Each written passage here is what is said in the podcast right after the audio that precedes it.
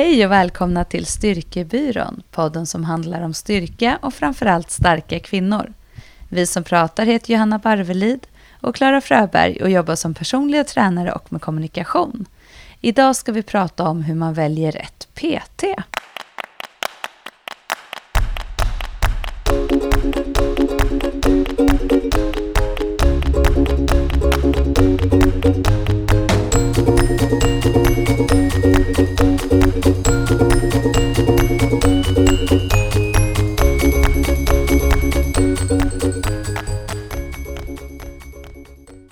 Johanna, det, det har ju varit väldigt populärt på Styrkebyråns Instagram eh, att eh, ta del av din frukost. Ja, visst ser du.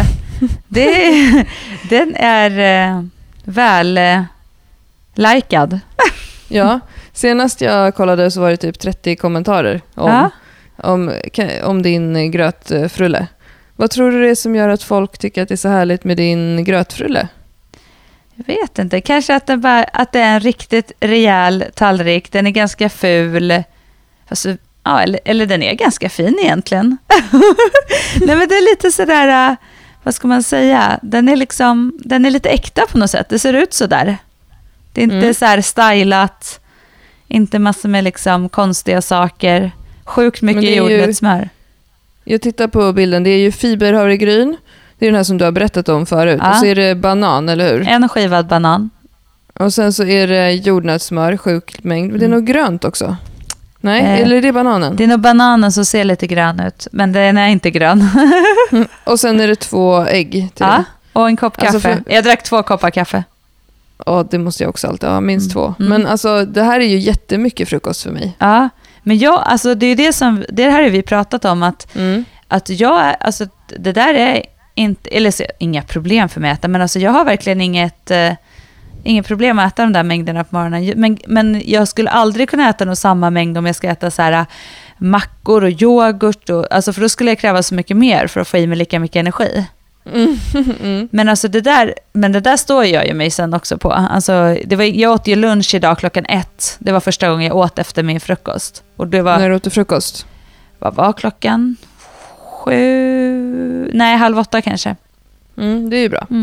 Men, det är ju jättebra. men, eh, men då, och då stod jag verkligen, men det var inte så att jag funderade under dag, i förmiddagen att jag var hungrig liksom, utan då var det Mm. så här, och då var det så här, klockan ett gavs det tillfälle att äta, då åt jag. Mm. Mm. Ja, men vad skönt. Jag, jag ska testa att käka sådär mycket imorgon. Jag har ju... Alltså jag måste liksom verkligen ha nära till en toalett om jag ska äta sådär mycket till frukost. Mhm. Alltså det, blir, det tar tid det här och sen ska man gå på toa och det, det blir som att sätta igång liksom fabriken om jag ska äta sådär mycket. Mm. Jag är nog ingen riktig frukostmänniska, men däremot som vi ofta trycker på till de som frågar in till podden om det här med mat. Jag måste alltid äta ordentligt med protein när jag äter frukost, för annars är det liksom ingen mening. Om jag skulle äta bara en macka, som du sa, då, skulle man ju, då blir man ju hungrig efter en vecka, Mm. eller en vecka, efter en timme Ja. igen. Eh, för det, är liksom, det går ut, eh, inte ut i biceps, utan det går bara rakt ut i Ingenstans. toaletten Ja. på en gång. ja, nej men det, ja, jag, det, jag behöver också, det är liksom, jordnötssmöret är ju, jag varierar, jag har ju lite olika, men nu kör jag, kör jag det här ett tag. Jag är ju så här, det har jag ju pratat om tidigare, jag är ju så här, när jag väl bestämmer mig för någonting, då kör Mm. jag det. Liksom. Jag är inte så att jag måste hålla på och byta och variera. Liksom. Det är sak samma. Jag, jag kan äta så här, samma lunch och middag typ tre dagar i rad, om det är så att det är det som finns och det är enkelt och det är det som gör att jag äter ordentligt. Alltså, Mm. det är inte så noga för mig. Jag lägger inte så mycket värdering i det. Utan nu har jag hittat någonting som funkar. Jag kör i mikron, det är smidigt, jag hinner göra det även om vi har sov, försovit oss lite. Så, bara, Mm. så, liksom, så har man så här checkat av frukosten och det funkar bra. Barnen äter gröt ibland och då... Och sen, men de tycker ju bara, de är bara så här, mamma vad har du på gröten? Det ser jättekonstigt ut. De tycker jag så här, inte alls. De har, vill inte alls ha sådär, så att de äter annat. Men det funkar ju bra. Ja, men eh, bra, rakt ut i biceps, hashtag. Mm, den gillar jag, det är en av mina favoriter. Du, eh, det hade ju kommit in lite frågor till oss eh, gällande vårt förra avsnitt om periodisering. Ja, precis. Efter vi hade, vi skrev ju att vi skulle prata om det, eller att, vi, att, vi skulle komma, att det var nästa avsnitt. När vi, Och Mm. då fick vi lite frågor, och jag tror vissa av de frågorna tror jag inte riktigt att vi tog med, eller kanske inte var så tydliga med i själva avsnittet. Så då tänkte vi att vi, vi tar och går igenom de som vi känner att vi inte har svarat på i avsnittet. Så blir det lite Mm. som en så här, äh, genomgång från förra avsnittet lite snabbt sådär. Eh, Mm. och sen så ska vi gå in och prata mer hur man kan tänka kring det här med att välja PT. Mm. Kul. Eh, ska jag läsa en fråga till dig då? Ja, men gör det. Eh, Den här var ju i och för sig rolig. Eh, Det var ju en tjej som skrev så här, det var ingen fråga, men hon skrev så här, ehm, har precis lyssnat igenom alla avsnitt. Bättre än både mindfulness och avslappningsprogram på kvällen för att kunna sova. Så intressant. Lyssnar och somnar och är pepp på träning nästa dag. Och sen har hon så skrivit en till kommentar för hon insåg att det kanske lät så här, som att vi var så tråkiga. Så hon skrev så här, alltså jag somnar efter att jag lyssnar. Ja, jag såg det också. det var Det väldigt fint. Ja, alltså det är en som har frågat så här, berätta gärna i detalj hur man lägger upp målet, eh, så, om målet är beefcake. Mm. Ja, men beroende på hur mycket man tränar och allting. Men eh, om man tänker på att liksom jobba, om man vill lägga på sig så handlar det om så mycket. Det, dels handlar det om vad man äter och sen så handlar det också om att, eh, vad ska man säga, att göra, att träna samma liksom rörelser flera, flera gånger i veckan. Alltså, man kan inte liksom träna för lite om man ska bli beefcake. Är du med på vad jag Mhm. menar? Alltså Mm. man måste ju få en kontinuitet. Mm. Eh, och nu låter, då kanske folk tänker så här, "Jaha, så nu kan inte jag bli det. Så är det ju självklart inte. Men, men alltså det måste ju finnas en, en kontinuitet och en tanke bakom det. Och sen så Mm. måste man våga ta bort lite cardio kanske. Mm. Så kan det absolut vara. Eh, man behöver ju ligga på ett överskott om man vill lägga på sig muskelmassa. Och det kan ju bli så att man lägger på sig lite fett också under den här perioden. Och det där är ju någonting som det hela tiden debatteras om tycker jag. Det här, eh, och som vi får väldigt mycket frågor om. Kan man deffa samtidigt som man bygger muskler? Och ja, det kan man. Det gör de som jobbar med fitness hela tiden. Men däremot för en vanlig människa så kan det vara väldigt tufft. Både mentalt och fysiskt. Därför att om du äter på ett kaloriunderskott och försöker hålla nere din fettprocent så måste du träna ganska mycket för att inte tappa i muskelmassa. Och du kommer ha en lägre energinivå till att träna. Du kommer inte orka träna på samma sätt. Du kommer inte orka lyfta lika mycket. Du kommer att få träna eh, det som kroppen helt enkelt klarar av. Och det kan också vara lite jobbigt psykiskt. Och det vet jag att många som håller på inom fitness de, eh, de jobbar hela tiden med sina hjärnspöken över att de hela tiden känner sig lite svaga. Så det är ingenting som vi rekommenderar att man gör under en längre period. Men vi får ju ofta frågor också om det här med att ja, men hur ska jag äta då om jag vill ligga på ett överskott eller ett underskott? Och där får man ju man får ju hitta sin egen nivå där. Det är ju väldigt individuellt hur mycket man extra man behöver käka för att lägga på sig extra muskler.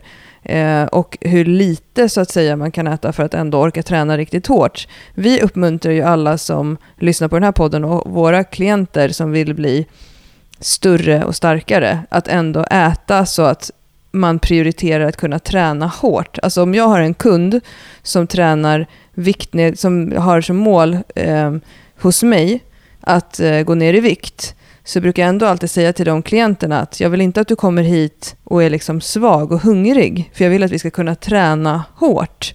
Och just det här, hur blir man en beefcake? Ja, vi rekommenderar ju att man ändå kör ganska tunga övningar, särskilt i starten av sitt träningspass, även om man vill eh, primärt lägga på sig muskelmassa, alltså jobba med hypertrofiträning, därför att det sätter igång en massa hormon, positiva hormonprocesser för kroppen som kommer att eh, kännas av genom ett helt träningspass. Att även om, om jag har en klient som vill få stora armar så kommer jag ändå köra eh, maxstyrka med den personen också. För att eh, kroppen ska ta till sig den typen av träning eh, och ha bättre förutsättningar för att bygga muskler också. Så att en, en kombination. Och eh, man behöver inte Eh, nu skrattar jag lite för mig själv för jag hade en PT-kund hos mig idag som gjorde två olika varianter på biceps curl i ställning och grejer och körde så här riktig byggar, vi kallade passet för byggare Bob.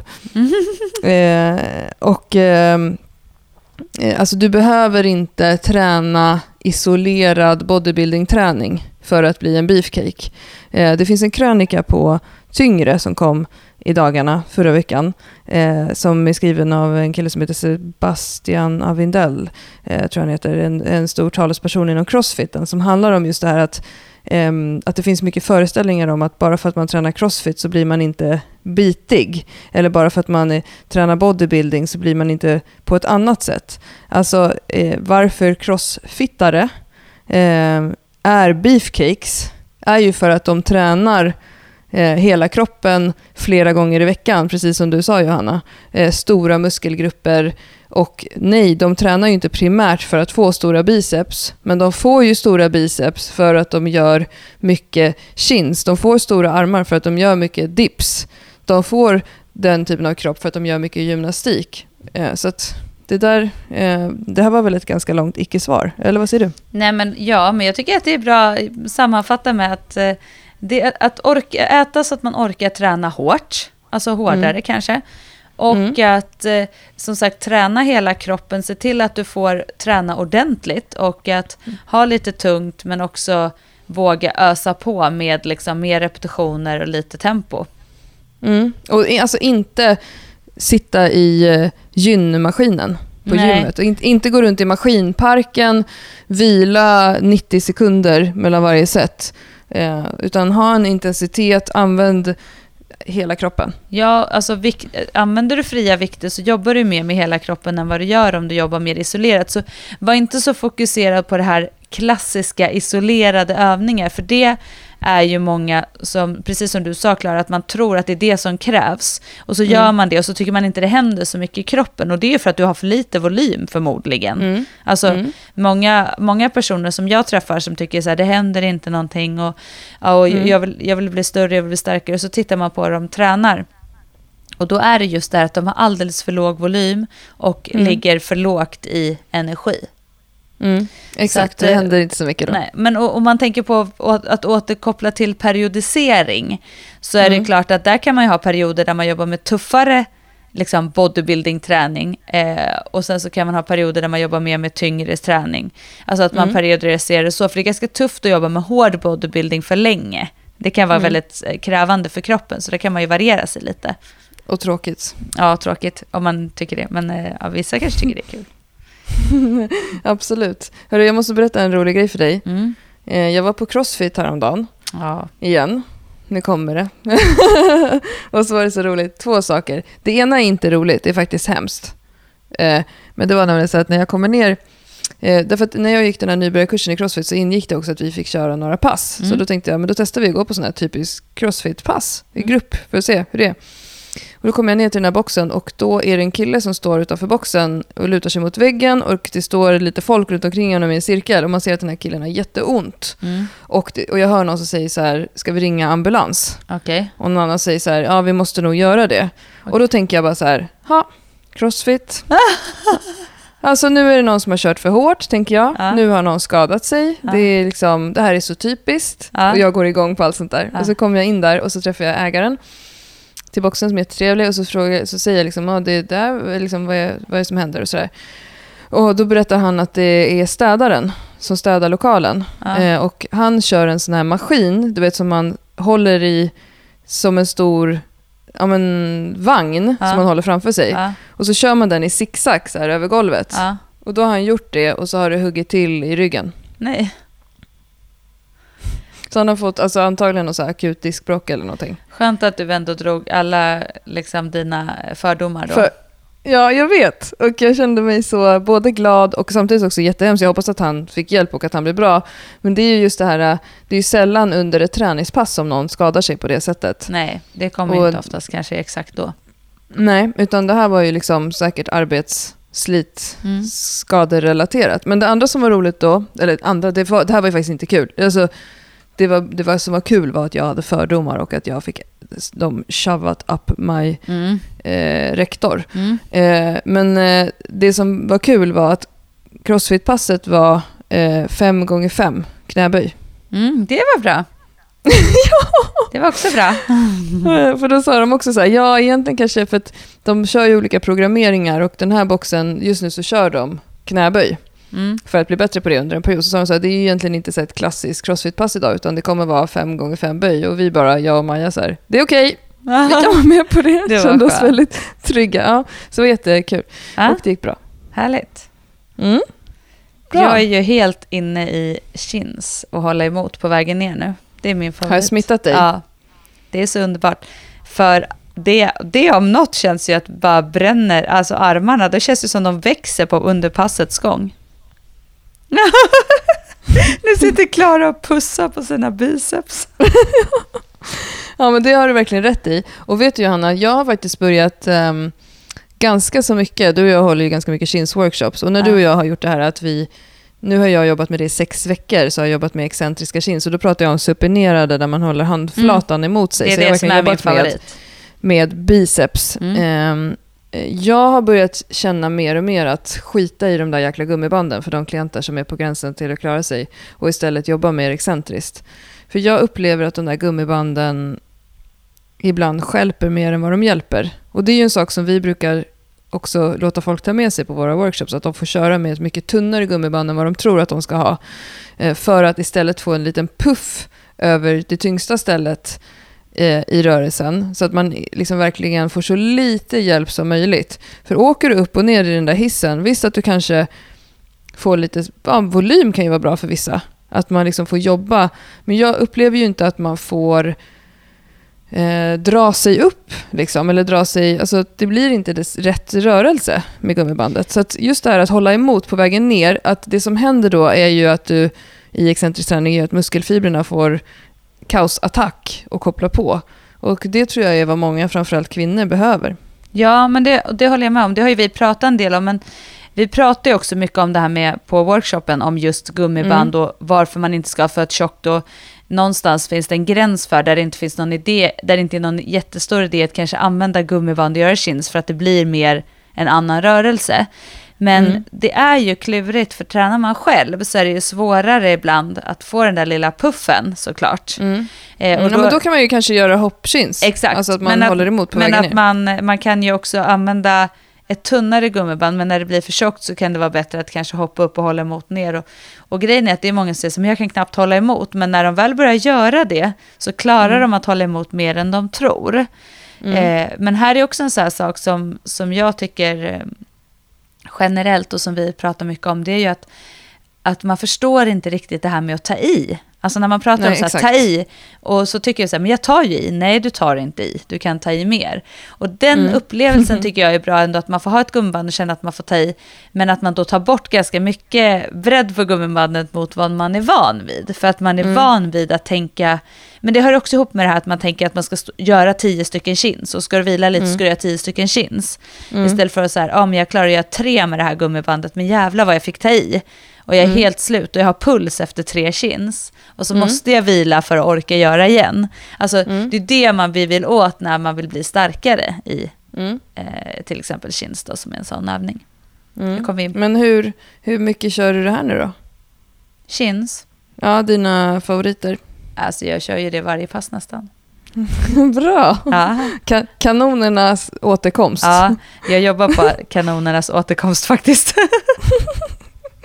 Ser fram emot det. Ja, men jag såg ju någon så här film, du filmade ju mig, det var någon, jag såg och, det var när vi hade varit final i lyftar, den här lyftargruppen som vi hade haft under Mm. 12 veckor. Och så Mm. står jag och passar, och så, så fick, såg jag en film på det som du hade filmat, för Mm. jag skulle ju självklart titta på den här personen som, som gjorde sina böj. Och så bara ser Mm. jag mig själv på den här filmen och bara, men för fan, jag är ju som en jävla pinne som står där. Det var som en stolpe med två stycken jäkla flaxande pinnar, som en snögubbsarmar så här. Så jag bara, nu måste vi fokusera på att bygga lite volym på det här. Så där är vi nu. Ja. ja, det kommer gå fort för dig. Du är ju sån här responder. Ja, men då, sen äter jag också min gröt som är oändligt mycket. Ja. Ja. det är den som är där, ja. i bickarna. ja, men Du, jag tänkte på en sak till här. Som, det, Mm. det har vi snuddat lite vid nu, så jag tänker att vi tar den frågan och så kan vi bara redovisa, redovisa redogöra lite hur vi tänker.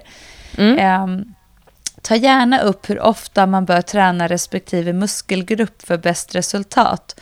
Om Mm. jag vill bli en beefcake, som ni två är. Det var snällt. Mm. Ja, det var fint. Eh, Klara, Klara är lite beefcake. Jag är on, on the way. eh, nej, men det, det, är lite som vi pratade om det här, att kanske inte fokusera så mycket på muskelgrupper, utan mer mm. fokusera på att träna hårdare och träna hela kroppen. Alltså mm. att jobba med alla rörelser. Eh, och sen så är det klart att eh, vill jag bli beefcake i överkroppen så lär jag behöva göra lite tuffa överkroppsövningar såklart.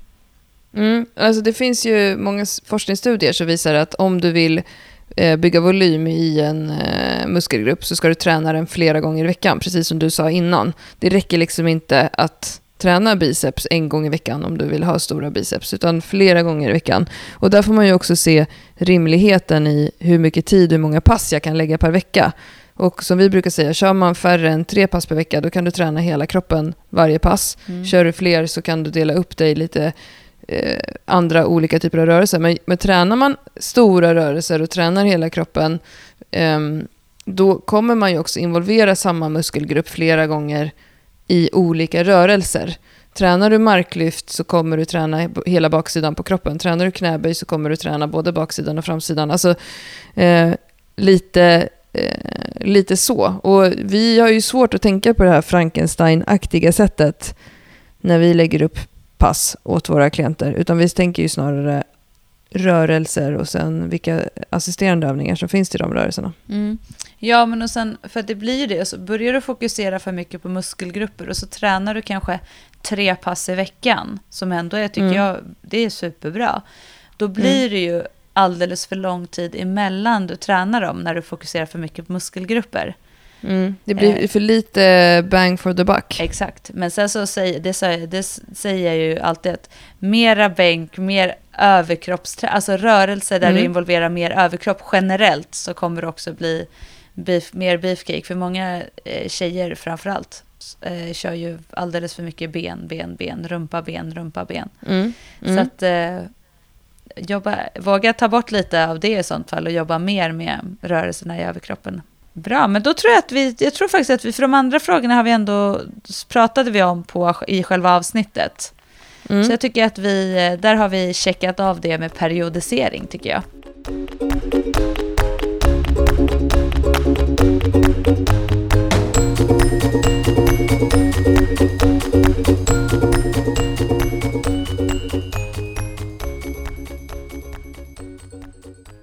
För några veckor sedan när jag var faktiskt på gymmet och skulle träna med min PT. Mm. Så stod jag i omklädningsrummet och då var det en tjej som, eh, som sa så här, ursäkta jag måste bara få fråga, är det inte du som är Klara Fröberg i Styrkebyrån? Eh, och så var det en jättegullig tjej som eh, bara ville säga att hon gillade podden och sånt där. Och sånt är alltid jättekul och jag tycker det är så modigt för de allra flesta, inklusive jag, vågar sällan gå fram till någon och säga hurra Eh, när man inte känner varandra. Eh, och då så sa hon, kan inte ni ta upp det här med hur man ska tänka när man väljer PT? Alltså hur ska man veta, hur ska man göra när man ska börja träna med PT? Ehm, och då tänkte vi att det kan ju absolut vara eh, någonting spännande att ta upp i ett avsnitt. Men vi jobbar ju inte bara som personliga tränare utan vi är ju och har varit också kunder, PT-kunder. Det är ju så också du och jag känner varandra för att vi hade samma PT förut, för länge sedan. Eh, men Johanna, hur, hur är du som PT-kund? Mm. Jag är nog lite annorlunda nu mot vad jag var tidigare. Eh, men jag är ju, nu är jag ju väldigt mycket, i och med att det är så mycket intresse i det här med träning, så är jag ju väldigt mycket så här, så här, jaha, hur tänker du då? Varför det? Okej. Okay. Alltså, så vill jag egentligen säga. mm. okej, okay, ja, vilken anledning gör den här? Vad intressant val, hur tänker du då? Så, så skulle jag ju typ vilja vara, men mm. eh, nu så tänker jag ändå så här istället att jag inte ska fundera så mycket utan bara köra och liksom låta någon annan bara bestämma. Mm. Eh, så, jag, men, så då skulle jag säga att om man tänker bort de sakerna är jag en person som jag bara kör. Mm. Alltså, det jag ska göra, det gör jag och så kör jag och så, så gör jag mitt bästa och liksom så. Där är jag nog. Eh, mm. jag vet att eh, Lovisa var, så förut när jag tränade med henne, det har ju varit liksom den PTn som har eh, framförallt ska jag säga hjälpt mig i mina graviditeter och postgraviditeter eh, Mm. tidigare. Lovisa Mm. Sandström, alltså Lofsan. Eh, Mm. och vilket eh, har ju varit fantastiskt både för mitt egna lärande också, men för min kropp såklart. Och då Mm. har jag ju alltid varit så här att, du vet, jag har ju alltid bara kört och sen så typ efter passet så bara däckar jag på golvet. Och så, men man kan liksom inte riktigt se på mig under passet att det är så här, att jag är där, utan jag har bara... Hur jobbigt det är. Nej, utan jag har bara br- bränt på alltid. Eh, men jag tycker det är så, så är jag lite som, jag är så lite som sportmänniskan Johanna också när jag har hållit på med idrott och sådär. Alltså det är inte så mycket Mm. funderingar utan bara kör. Eh, gör det du Skönt. ska och Som kör. med din frukost. Eh, exakt, det är väl lite kanske min personlighet. Men eh, som sagt, nu tycker jag att också att det är faktiskt roligt, ska jag säga, att eh, det har ju också blivit så att när jag har trä- nu har jag inte tränat jättemycket med PT här, nu låter det som att så här, jag har ett, men just det här att diskutera varför man gör sig eller så, och det jag tycker är intressant nu är ju att just tänka så här, hur är den här PTn pedagogiskt, eller hur säger den, hur förklarar den saker? Är det här, Mm. hur, hur gör jag det här? Vad kan man ta med sig något från det här? Mm. Eller, så är det ju mycket nu, så det blir ju på ett sätt, för mig handlar det ju också om att, att eh, få inspiration och utveckla mig själv som personlig tränare när jag, Mm. när jag går till någon. Mm. Det är jättespännande och man lär ju sig så mycket bara av att dels att sätta sig själv i någon annans händer Mm. och sen också, precis som du säger, att titta på det utifrån. Och så fort man som PT, och det tror jag gäller, ja, jag är ganska säker alla, kommer in i ett gym och skannar av och ser personliga tränare så tittar man ju hur jobbar de? Mm. Hur jobbar den här personen? Alltså sådana saker som, som inte en PT-kund tänker på men som man har med eh, när man går en utbildning, om man går en bra utbildning såklart, så är det ju så här, hur kommunicerar den här personen, vad har den för kroppsspråk, hur placerar den sig i rummet, Ehm, hur instruerar den, eh, sådana saker som, eh, säg inte vad du gör fel sist, utan Mm. säg hur du ska göra rätt, var står du, eh, kommer man in i ett gym och så sitter det någon PT på golvet och lutar sig mot väggen med armarna i kors, så tänker man okej, vad har de för relation? Alltså, Ja. det är ju så spännande med kroppsspråk och de här sakerna. Jag minns att vi skrattade jättemycket när vi gick vår PT-utbildning när vi fick tipset av att om man kände sig obekväm och, eller ville att ens klient inte skulle känna sig obekväm med att man tog på dem. Jag är ju en väldigt fysisk PT som går Ja, in och liksom tar det, tag och så här, här ska det kännas, tryck emot här och så här. Ehm, men då fick vi ju tipset att man skulle kunna ha en pinne, ett så här kvastskaft som man så här tr- Ja. tryckte mot rum, rumpan på klienten och sådär. Och det skulle ju kännas för mig jättemärkligt om jag sen stod och petade med någon på en pinne och bara spänn här.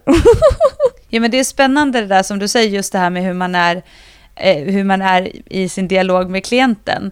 Men jag tror Mm. att det, det har ju också mycket med vad man är för person och hur man uttrycker sig och på vilket sätt man gör och så. För att vi, och, jag menar när vi har våra workshops, det slutar ju typ med att folk står och liksom bara trycker på rumpan och in under armhålan och bara, hur känns det här? Mm. Känn här nu, nu har hon full aktivering i latsen och så bara står vi och Mm. klämmer liksom och alla är ju så här, folk gillar ju det. Alltså, jag tror att... Jag hoppas det, för jag gillar, alltså vi gillar ju det här med att avdramatisera det här med kroppar. Och det, och det är det jag tror folk gör. Alltså just att de Mm. upplever, för att jag har inte upplevt hittills att någon har liksom tagit illa vid eh, sig heller. Och vi är väl ganska så här tydliga, så här, vi säger ju så här i början att vi kommer att gå in och peta och trycka och vill man inte det så Mm. får man säga ifrån. Men alla, jag tror alla vill att man ska liksom, de, man vill känna att man gör rätt, man vill känna, jag upplever många gånger så är det ju så att folk faktiskt så fattar vad de ska göra när man får trycka till. Eller att de faktiskt Mm. förstår att så här, men gud, jag, jag spänner ju, jag gör ju, aktiverar ju helt rätt här när jag gör så här. Mm.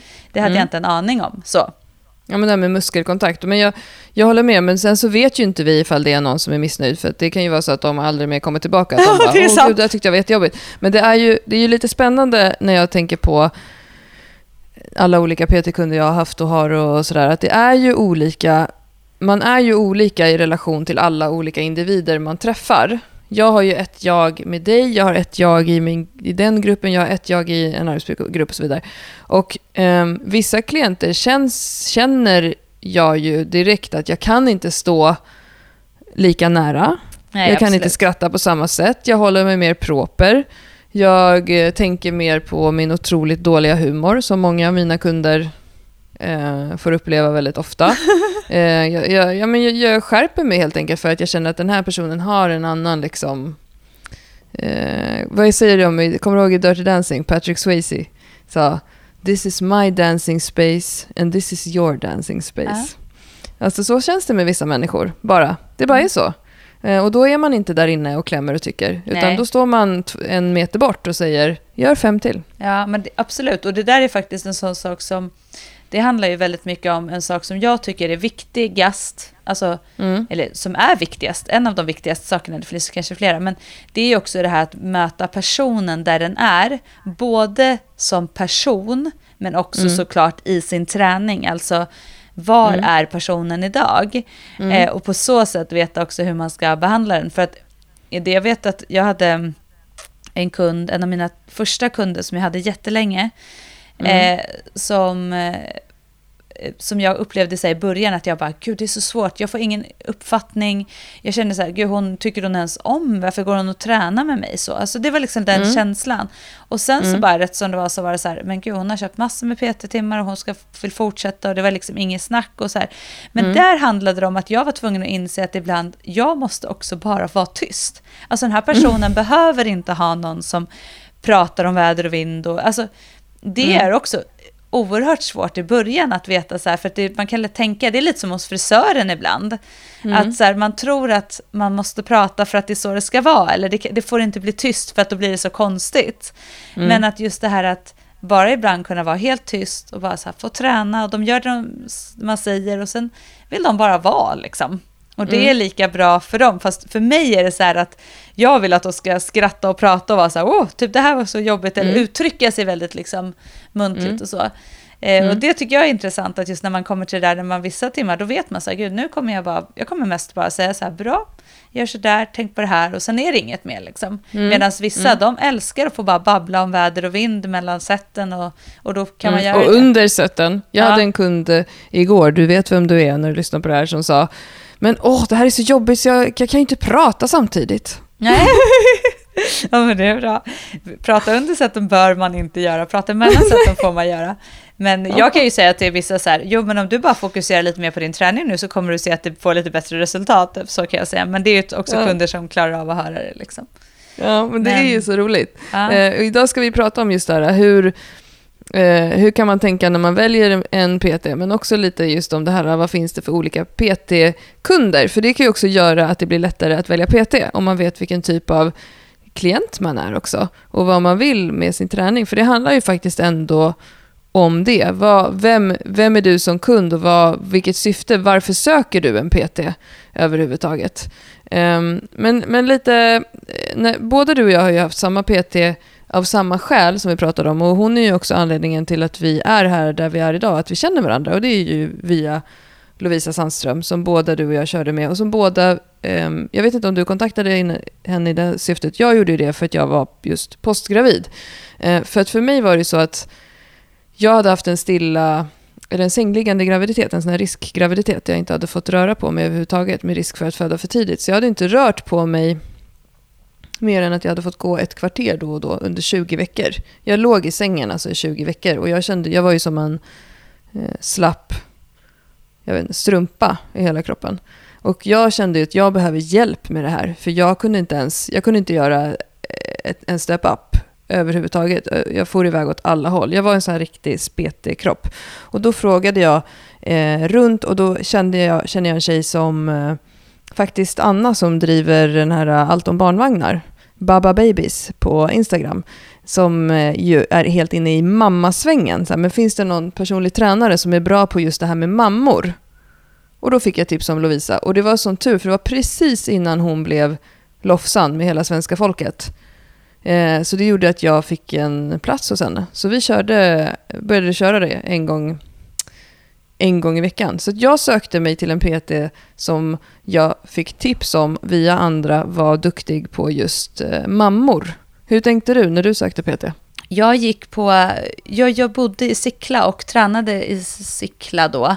Och eh, då körde Lovisa pass där och hon körde bland annat de här cross... Eh, Training. Cross-training, ja. Precis. Mm. Och jag gillade hennes person. Alltså hon är en fantastisk person som får en att känna sig stark och liksom, hon är jätteduktig på att se människor, alla människor i en stor grupp och liksom. Så Mm. dels var jag, kände jag bara så här, den här personen gillar jag. Jag gillar hennes sätt att vara. Jag tyckte det var en cool, liksom, tjej, kvinna, stark. Mm. Eh, Och eh, så, då, så det var liksom lite anledningen till också, alltså jag vet att hon var duktig på just mammaträning, alltså på den. Så, mm. För jag gick också på de passen, alltså sådana mammapass. Mm. Så det var så det började lite och sen så har jag, tränade jag med henne och, och så, så har det liksom varit, så här, hon har också varit den här som när man har liksom varit efter graviditeten och känt så här, ah, jag orkar inget, jag klarar ingenting och så mm. har hon liksom skapat en plan för en och så, så då är jag en sån här person som jag vet, som följer den liksom och som gör det punkt och pricka och det vet ju hon också mm. när hon gör om, gjorde dem mm. till mig. Men då var det också så här att jag kommer ihåg, jag stod, eh, jag stod eh, på, på där hon jobbade då efter tre veckor när Lovisa hade kommit, kommer jag ihåg. Och bara var helt så här, ah, min kropp typ. Och så, så, så fick jag liksom, jag gick därifrån så hade jag en plan vad jag skulle göra.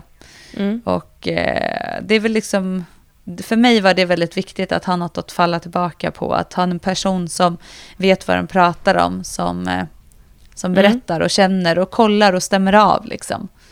Men hon såg dig, precis som du sa innan, där du var som ja, människa exakt. där och då. Hur du var och vad du hade för behov. Och det är väl det som är lite som jag tycker är viktigt att ta med sig när man ska välja PT. Att, um, när man, om man testkör ett pass med en personlig tränare, hur kändes det efteråt? Och vad får den här människan dig att känna? För mig var det precis likadant med Lovisa, att hon var ju liksom min första girl crush nästan. Att när jag gick ifrån passen så kände jag så här, gud, alltså, hon, jag kan det här. Shit, hon fick mig att må så bra. Det var nästan som ett knark, ett så här Lofsan-knark ja. som jag kände att jag ville fortsätta ha varje vecka. För att eh, som nybliven tvåbarnsförälder Eh, så kände jag kände mig i alla fall, jag hade jättedåligt självförtroende. Vem var jag?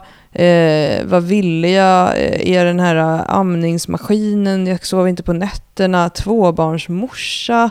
Alltså mycket saker i huvudet som inte kändes som jag och där jag inte kände mig så rolig. Och när jag körde passen med henne så kände jag mig oftast otroligt svag och väldigt här, sliten.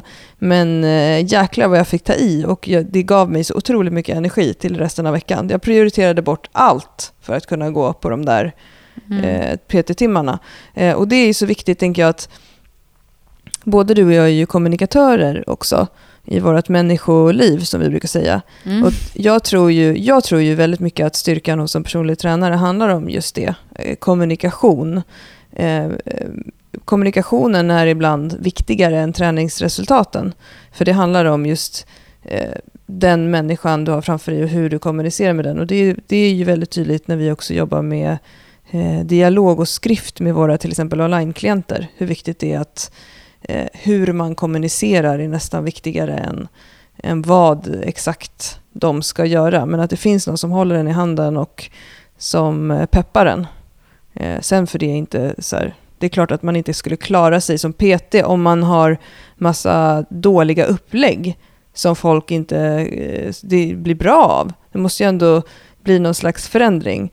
Men kommunikation är väldigt viktigt. Eh, men om man backar tillbaka lite, liksom, hur, ska man, hur ska man tänka innan man vet hur det kommer kännas att träna med PT? Hur ska, om man går in på så här gyms hemsida och bara scrollar, hur ska man veta vem man ska välja då? Ja, men jag, jag ska återkomma till det. Jag ska bara säga en sak som jag tyckte du sa som var som är superviktig, men det är som sagt när man väl är där och har valt en PT, det är den där känslan efteråt. Alltså hur, mm. får jag, hur känner jag mig? Det tycker jag verkligen man ska ta som en av de viktigaste när man väl är igång. Att mm. känns mm. det minsta lilla så här, oh, det här kändes inte bra och jag kände mig jätteosäker och jag tyckte inte alls att den här personen fick mm. mig att känna mig trygg i det jag gjorde. Mm. Då tycker jag verkligen att man ska liksom kommunicera det till den här personen och, eller liksom känna att man kanske ska gå vidare och titta på att det finns andra, för att alla människor passar inte ihop. Och liksom, så är det bara, tycker jag. jag. Jag skulle uppskatta om en person sa till mig så här att, men du vet vad, det här kändes inte alls bra. Eh, mm. Jag tror att vi inte alls ska köra. Och det, är liksom, det är ju så det är i, överallt i livet. Liksom. Man, man kommer inte alltid älska alla människor. Mm. Så, så det tycker jag är faktiskt en superviktig del. Men vad det handlar om när man ska välja Peter, då, så dels så kan man ju då en sak att gå på är ju att man kanske har rekommendationer, att man kollar på en mm. viss person för att man har blivit rekommenderad den personen. Och jag tycker att man ska lyssna sig för lite när man ska välja en, om, i, liksom, runt om eller i grupper, liksom, om, man, om det är någon som har någon att rekommendera utifrån vart man är, alltså vad det är man vill ha mm. ut av den här. För det är klart mm. att jag kan säga så här, den här tycker jag är jättebra, men det kanske inte alls skulle passa en person som är en nybliven mamma eller som är eh, mm. ville köra någonting annat. Så det, det är såklart att utifrån. Men det man kan kolla på då är ju vad nästan alla idag, så kan vi kanske inte säga, men många eh, har ju valt att inrikta sig lite grann på någonting. Eh, mm. Och det är klart att man gör, det är svårt att vara liksom, jag kan allt, jag är duktig på allt. Och jag kan säga, har man allt och tycker att man är duktig på allt, då ska man ha sjukt mycket erfarenhet. För att liksom, det, det är inte många som kan vara bäst på allt. Liksom. Mm. Eh, så just det här att liksom, så här, vad, vad är det för inriktning jag är intresserad av? Är det mammaträning till exempel? Mm. Eh, eller gravidträning? Ja, men då ska jag såklart kolla vad har den här personen med sig i bagaget. Eh, sen behöver man absolut inte vara mamma själv som PT för att vara en duktig coach. Vi har ju en eh, kollega som är jätte, jätteduktig mammatränare, Lena Ovegard, mm. som inte alls är mamma själv. Men vad har den för, liksom, vad har den gått för utbildningar eller vad, mm. hur mycket har den jobbat med det här? Alltså kan man se det på något sätt? Mm. Eh, och eh, vad har de för grund? Vart kom, var kommer de ifrån? För liksom, är det idrottare själva som har hållit på med idrottat eller är, har de mm. gått en liksom, lärt jobbat som, eh, alltså det kan ju vara att man har pluggat någon akademisk utbildning innan och jobbat inom något annat yrke men som man har sen gått vidare. Alltså, vad finns mm. det för kunskapsbank? Eller är det mm. så att det är en person som, som jag vet att jag har hört mycket om, som, har, som är noggrann, alltså som sådär. Lite mm. sådana saker. Det tycker jag är jätteviktigt, att man känner att så här, den här personen får jag vid första intrycket ett förtroende för. Mm. Ja, men jag håller med. Och det är ju sådär, det finns ju massa PT-utbildningar som är jättekorta. Det finns sådana som är på distans. Det finns sådana som är liksom två veckor. Sen finns det sådana som är lite längre och lite mer gedigna. Men allt det här beror ju på vem det är, vad det är för person också och vad den fyller det med. Men om man, om man hittar en person som kanske bara har en så här två veckors utbildning och inte har gått någon annan kurs och inte har någon erfarenhet av någon typ av kommunikationsarbete eller inom terapi eller hälsa eller någonting då, då kanske det inte finns så mycket att komma med där. Då måste det finnas något annat som gör att det känns rimligt och viktigt.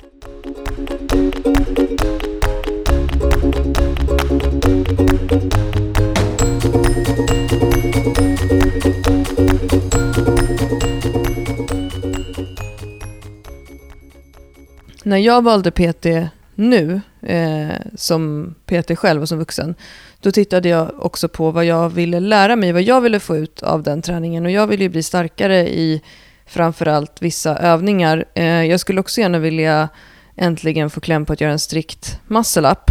Och då så såg jag en person som jag dels har gått samma utbildningar som, några stycken, som har jobbat länge och som också är väldigt duktig själv på den typen av träning som jag också kan se på film. För många tränare idag använder sig av sociala medier för att nå ut. Då, för mig blir det väldigt tydligt att se en person som om vi tar, om någon vill komma till mig till exempel och vill lära sig att göra chins och ser att jag kan göra det på en film, då vet ju de också att jag har en förståelse för vad det är för rörelse och kanske, kanske det också gör att jag också kan lära ut det. Um, så att, och har jag då till exempel att jag vill bli en bättre löpare, men då kanske jag inte ska gå till Klara Fröberg som inte verkar så jätteinriktad på det. Varken i sin podd eller i sina sociala medier eller det som hon kommunicerar eller sina utbildningar. Och, men däremot du är ju en förtäckt löparcoach har det ju kommit fram. ja, men jag har ju haft en karriär som löpare också. Mm -mm. Precis. Nej, jag håller med helt och hållet. Det är klart att om jag ska välja en PT så, så kollar ju jag runt mig. Hur ser, liksom, vad gör den här personen när den tränar själv? Och också hur den är när den coachar andra. Det är en sån sak mm. som, som såklart man stämmer av. Och det är klart att om jag, vill, om jag vill bli duktig på styrkelyft så, så kanske inte jag går och väljer en coach som är löpcoach heller. Nej, exakt. Utan alla har ju, och det är precis som när man ska gå till en naprapat eller en sjukgymnast eller en kiropraktor. Hur vet man, hur ska man välja? Precis samma sak där, man går på rekommendationer. Eh, det finns kanske någon som är extra inriktade på löparknän, eller jag vet att den här personen är duktig på axlar. Den här personen jobbar med crossfit-människor, så den är van vid folk. Alltså, Man går ju mycket på, det finns ju så många och det finns verkligen så mycket bra personer och så mycket mindre bra personer. Det är jättesvårt att veta. Men som du säger, har jag en specifikt önskemål, ett specifikt mål, vi kommer prata lite om det, vad man är för typ av klient, så bör man ju också välja en person utifrån önskemålen där. Och där tycker jag ändå att investerar man en timme, som man ändå betalar ganska mycket för, och vill bli bättre på knäböj, då tycker jag inte man ska gå till det globala gymmet och välja den billigaste PTn. Utan då ska man ändå titta, vem eh, ser ut att kunna hjälpa mig med specifikt det här? Sen behöver det inte betyda att den billigaste och mest nyutbildade PTn är dålig för det. Men just om man har en specifik eh, preferens, så sök upp, sök upp det. Mm, absolut. Men du, om vi går in på det här med kunder då, olika kundtyper. Vi har ju varit inne lite på det. Mm. Eh, så hur, hur, hur vi själva är som PT-kunder. Jag kan säga att jag, är, jag tänker jättemycket på hur jag är som PT-kund nu, när jag är PT. Och varje gång jag ska köra ett PT-pass så tänker jag så här, jag ska bara vara tyst och köra. jag ska bara vara tyst. Ja. Ja, och jag är faktiskt ganska duktig på det. Ja. Eh, men däremot, och det kan jag säga att jag ifrågasätter ingenting av det som min PT säger, för jag tycker att han är väldigt duktig. Men när jag pratar så gör jag det lite för att eh, få vila lite. det är bra. För det är så sjukt jobbiga pass. Ja. Eh, och sen så märker jag också att min PT är helt ointresserad av sådana dravel som jag är intresserad av. Ja. Så att när jag väl försöker prata om så här skit för att få tiden att gå, då ser jag att det bara är så här, det är inte någon mening att ta upp det här. Eh, jag frågade honom så här, tror du att Brett Contreras är gay? och han bara, han bara tittade på mig så här, va? Du vet, jag såg på honom att det fanns inte den mildaste tanke på att han någonsin hade tänkt Nej. på de här sakerna. Utan han har så här, de här rumpaktiveringsövningarna tycker han är bra, som den personen gör. Alltså, Ja. Eh, Så att, eh, ja, man får ju läsa av lite olika personer helt enkelt. Och eh, jag försöker inte snacka så mycket skit. Men eh, det finns ju ändå lite olika typer av PT-kunder. Mm. Nu, nu kommer jag lista några Johanna, så får du säga om du känner igen eller om du inte håller med. Ja. Eh, De, de generella PT-kunderna som jag har, det är de som har ett konkret mål. Det är sådana som ganska vanligt kommer till oss på Styrkebyrå för att vi har den profilen vi har. Jag vill ta 100 kilo i marklyft. Eller jag vill eh, lära mig bänkpress. Jag vill eh, lyfta kroppsvikt till exempel i den här övningen. Eh, eller eh, de som säger så här, jag, eh, jag vill eh, bara träna. För jag kommer inte träna om inte jag går till en PT. Jag vet det. Jag är så lat. Så går jag inte till dig, då kommer det inte bli någonting av, så därför kommer jag gå till dig. Mm. Eller eh, de här eh, kunderna som eh, vill ändra sin livsstil. Jag vill bli en sån som tränar. Eller jag, jag vill lära mig om träning, men jag vet inte riktigt vad och eh, jag kan ingenting och eh, jag skulle gärna vilja prova på. Vad säger du? Har du, har du någon typisk PT-kund att lägga till? Nej, jag har inte något specifikt att lägga till faktiskt. Det är ju lite, alltså, det är ju lite det här, just det här att vissa är ju så här, jag vill bara ha en PT som står och skriker på mig. Det är lite så här, för mig det är lite så här förlegat, men samtidigt så är det, ett, det är en, precis som du säger, det här att eh, det är en bild man har kanske av det här bootcamp-tänket. Men Mm. på sätt och vis så är det ju såklart, det är man inte att man står och skriker, står och skriker, utan det är mer att det här är en person som, som, eh, som du säger, som, som inte gör det här om de inte har någon som säger till att de ska göra det. Det är det. Mm. Men jag, tycker, jag håller med, det är faktiskt, eh, det är, ja, det är verkligen de typerna. Och just nu så känner jag faktiskt att eh, många av de kunder vi har är ju sådana som, som faktiskt kommer till oss för att de vill jobba med teknik. Och det tycker jag är superroligt. Alltså Mm. att verkligen få så nöta. Och framförallt nu när jag gör, har ju inga enskilda PT-kunder just nu, utan jag gör ju de här lyftargrupperna som vi har, lyftarhelgerna som vi har tillsammans och jag har även egna Mm. sådana, eh, Mm. eh, eller själv, för att du inte har kunnat nu här så då har jag fått köra lite själv. Men eh, det tycker jag är jätteroligt, just det här att man faktiskt vill nörda ner sig lite, man är intresserad av att lära sig mer. Det tycker jag är jättespännande, det är det vi älskar båda två. Mm. Det är jätteroligt. Och det, alla kunder är ju roliga på sitt sätt. Jag tycker att det är väldigt eh, vad ska man säga, enkelt att ha en kund som har ett tydligt mål. För då vet jag vilken väg vi behöver ta eh, lättast för att komma dit. Och då har jag inget problem att säga att vi ska göra de här sakerna, de är sjukt tråkiga och de kommer ta dig till ditt mål. Det som jag däremot tycker är lite mer utmanande, det är de klienterna som behöver kreativa och roliga pass som inte har så mycket syfte. Mm. Alltså att en klient som så här bara behöver träna och bara kommer till dig för att den bara vill träna, eh, för att den behöver röra på sig. Det tycker jag är svårare och det har ju att göra med min diagnos. Alltså att jag behöver ha ett syfte och så med saker. Och då tycker jag att det är svårt. Sen också fastnar jag ju ofta i det där att jag inte är så kreativ och rolig. Men jag vet inte, jag, mina PT-kunder får höra av sig till podden och säga om det stämmer eller inte. Men, men eh, för mig är det ju så här, det här är bra övningar, nu gör vi dem. Eh. Ja. Men sen är det ju också de här, eller de här, det, också det som är vanligt är ju de här kunderna som kommer och så här, kanske till exempel vill göra, lyfta tungt, men sen så har de inte en kropp som är tillräck, tillräckligt hållfast. Alltså mm. de har kanske jätteproblem med aktiveringen eller att det, att det är ju väldigt vanligt, i alla fall många mm. kvinnor som jag träffar som kanske har fått barn och som har antingen gjort lite fel eller kört för hårt eller liksom inte riktigt haft all teknik eller aktivering med sig. Och så vill de göra någonting fast de behöver göra något annat. Mm, det, är mm. ju, det tycker jag är, det är ju alltid svårt, för att man vill ju såklart, det, det som vi pratade om i början, det här att, vara, att se klienten där den är nu och se vad den vill ha samtidigt som vad den behöver ha. Det är liksom ja. hela den här balansgången.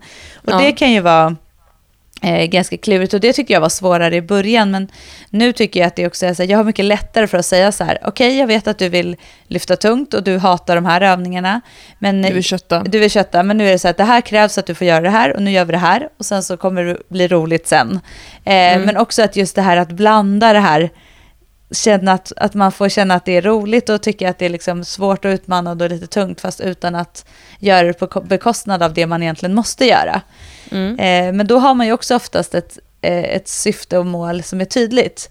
Och när man inte mm. har det, för det är som sagt, det är ju många som är så här, jag vill träna, jag, jag behöver träna och jag vill bara ha kul. Alltså, mm. Jag behöver inte kunna ta 100 kilo i marklyft eller 80 kilo i knäböj. Eller, jag vill komma och träna med dig en gång i veckan och då, då vill jag köra, jag vill må bra. Och, min kropp ska vara stark. Så då får man ju försöka så här, jag försöker tänka då att så här, okej, okay, det här är den personens mål. Man får alltid försöka ställa lite frågor och se, kan jag hitta någonting som den här personen går igång på? Finns det någonting som egentligen är underliggande? Eller vad betyder det att må bbra? Mm. Är det mm. att känna att man är varje gång är helt liksom slut? Eller är det att man ska vara liksom, utpumpad i musklerna? Eller är det att mm. man ska få ett sprung i lite intervall? Alltså att man försöker mm. hitta så här, vad är det som gör att den här personen tycker det är roligt? För då kan man ändå på mm. något sätt ha en, en, en liksom grund i det. Men sen så brukar jag alltid så här, ha en ändå ha en ändå så tanke att okej, okay, men den här personen behöver ändå lägga på sig lite mer muskler eller jobba med baksidan för den sitter mycket. Alltså finns det någon nytta mm. i den här personens träning så får man liksom lägga in sånt, då får man smyga in sånt lite då och då utan mm. att den här personen kanske tycker att det blir för tråkigt. Eh. Men det här är ju så intressant som du säger nu, för det är ju ändå mycket man smyger in som PT och det är mycket i alla fall för min del, som jag jobbar med med många klienter som inte de vet om, mm. där jag smyger in saker som är nyttiga för dem, som är bra för dem, men som inte de behöver veta. För att de allra flesta behöver inte veta allting om att deras knä på ena sidan faller in lite, eller om att den här vinkeln är det, eller om att vi skulle behöva bygga nedre delen av trapezius lite bättre för att slippa känna sig spänd i nacken på kontor. Alltså, mycket saker känner jag att jag inte säger till dem för att de ändå ska känna sig motiverade. För jag vill att de ska gå därifrån och känna så här, fan vad bra jag var idag. Och det där är ju, tror jag, lite gammal som det var lite mera förr med träning. Just det här du pratade om att man vill ha någon som står och skriker åt en och sådär. Att PT var den personen som bara, det här ser inte bra ut Barvelid. Här får vi jobba på. Ja, jag tror att du behöver köpa 10 pack. Alltså, om du ska göra armhävningar, det kommer aldrig hända. Alltså lite som mitt, ett av mina första extrajobb var på Coop. Coop? Nej, ja, Coop, vad heter det? Konsum heter det då tror jag. Coop. När jag pluggade. Coop, när jag pluggade på folkhögskola. Och då hade jag en chef där som sa så här, hur tror du du ska komma in på förskolan då? Du som inte ens kan hänga upp cigaretterna ordentligt. Oj. Ja, de sa det. Och eh, på den tiden var inte det någonting som jag sparade så jättemycket av, utan jag bara, fan, alltså jag mådde så dåligt. Det var faktiskt mitt hemskaste jobb. Ja. Jag måste bara säga att den butiken stängdes faktiskt igen senare för att den missköttes. Okej. Konstigt, Ja. men eh, ehm, eh, det, det är ju lite den här gamla synen på en tränare. Att det liksom d- get down and give me ten. Alltså straff Jag vill säga det, det är lite det här bootcamp. Ja, exakt. Och det är eh, något, tror jag, som... Igen, jag jobbar inte så överhuvudtaget. Jag har några som gillar att jag är lite sträng. Det måste jag erkänna. Och då är jag det. Men däremot så vill jag att de ska... Eh, vi hade ju en lärare, eh, Erik Börjesson, när vi utbildade som sa att låt din kund slå världsrekordet i en övning varje pass. Alltså att ge, man, ge ändå den känslan i någonting som, man tyck, som de känner så här, "För det här gjorde jag bra.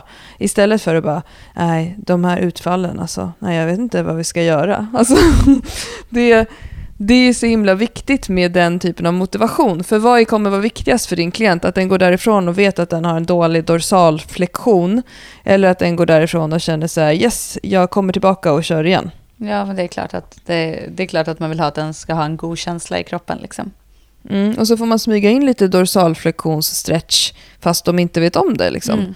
Det är jättemycket det som är, man är ju liksom en kock som lagar en soppa som inte någon annan riktigt vet receptet till. Ja, och det där skiljer sig såklart vilken typ av kund det är. För att har jag en kund som är jättetekniskt och intresserad och som vill veta och som vill förstå så är det klart Mm. att då kommer det låta annorlunda. Då kommer det kanske vara eh, saker som man berättar som man inte alls eh, gemene person som tränar annars bryr sig om heller.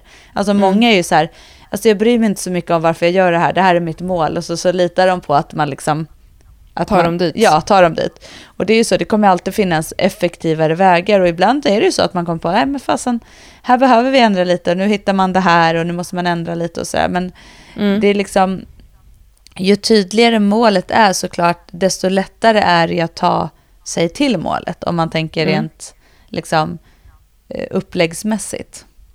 Ja men verkligen. Och målet kan ju som sagt vara eh, att vara smärtfri liksom, eller vad som helst. Att inte ha ont på kontorsjobbet. Målet behöver ju definitivt inte vara att ta massa bänkpress. Jag, jag hade en PT-kund idag som jag har haft eh, först online när hon precis var nybliven trebarnsmamma.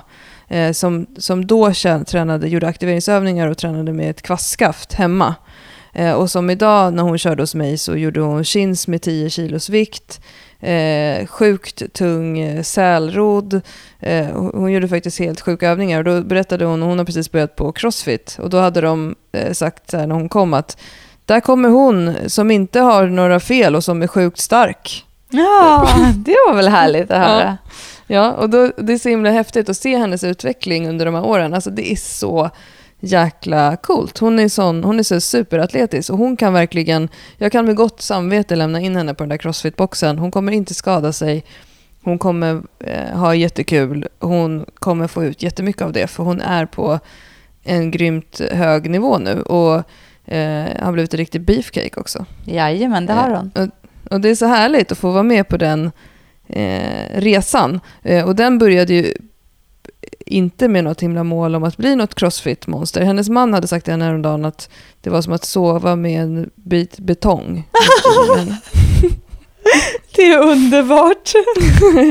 ja, för de som gillar det, jag gör ju också det. Ehm, så är ju det jättekul. Det är ju det härligaste som finns som PT, att få eh, vara med på hela den där resan. Mm. På ett, någon, som, någon som bara, jag får aldrig sova, jag vet inte hur, hur jag ska orka. Till att bara, ja, men jag är värsta beefcaken som de andra är imponerade av på boxen. Det är grymt. Mm.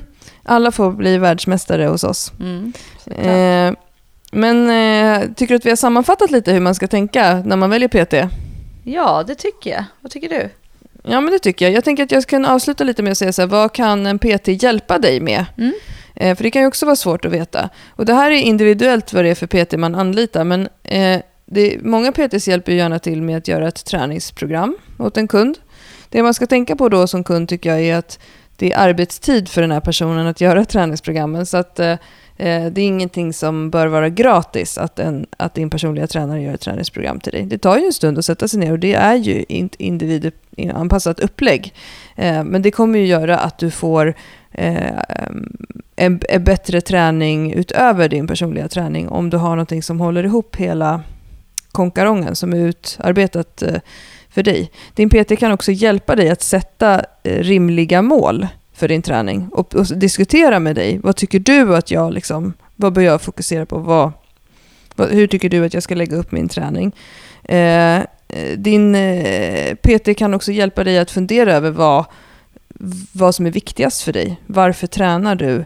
Eh, och såklart så kan en PT hjälpa dig att eh, ta reda på vad du behöver mera. Om du verkligen vill veta. Vad är mina svagheter? Vad är mina styrkor?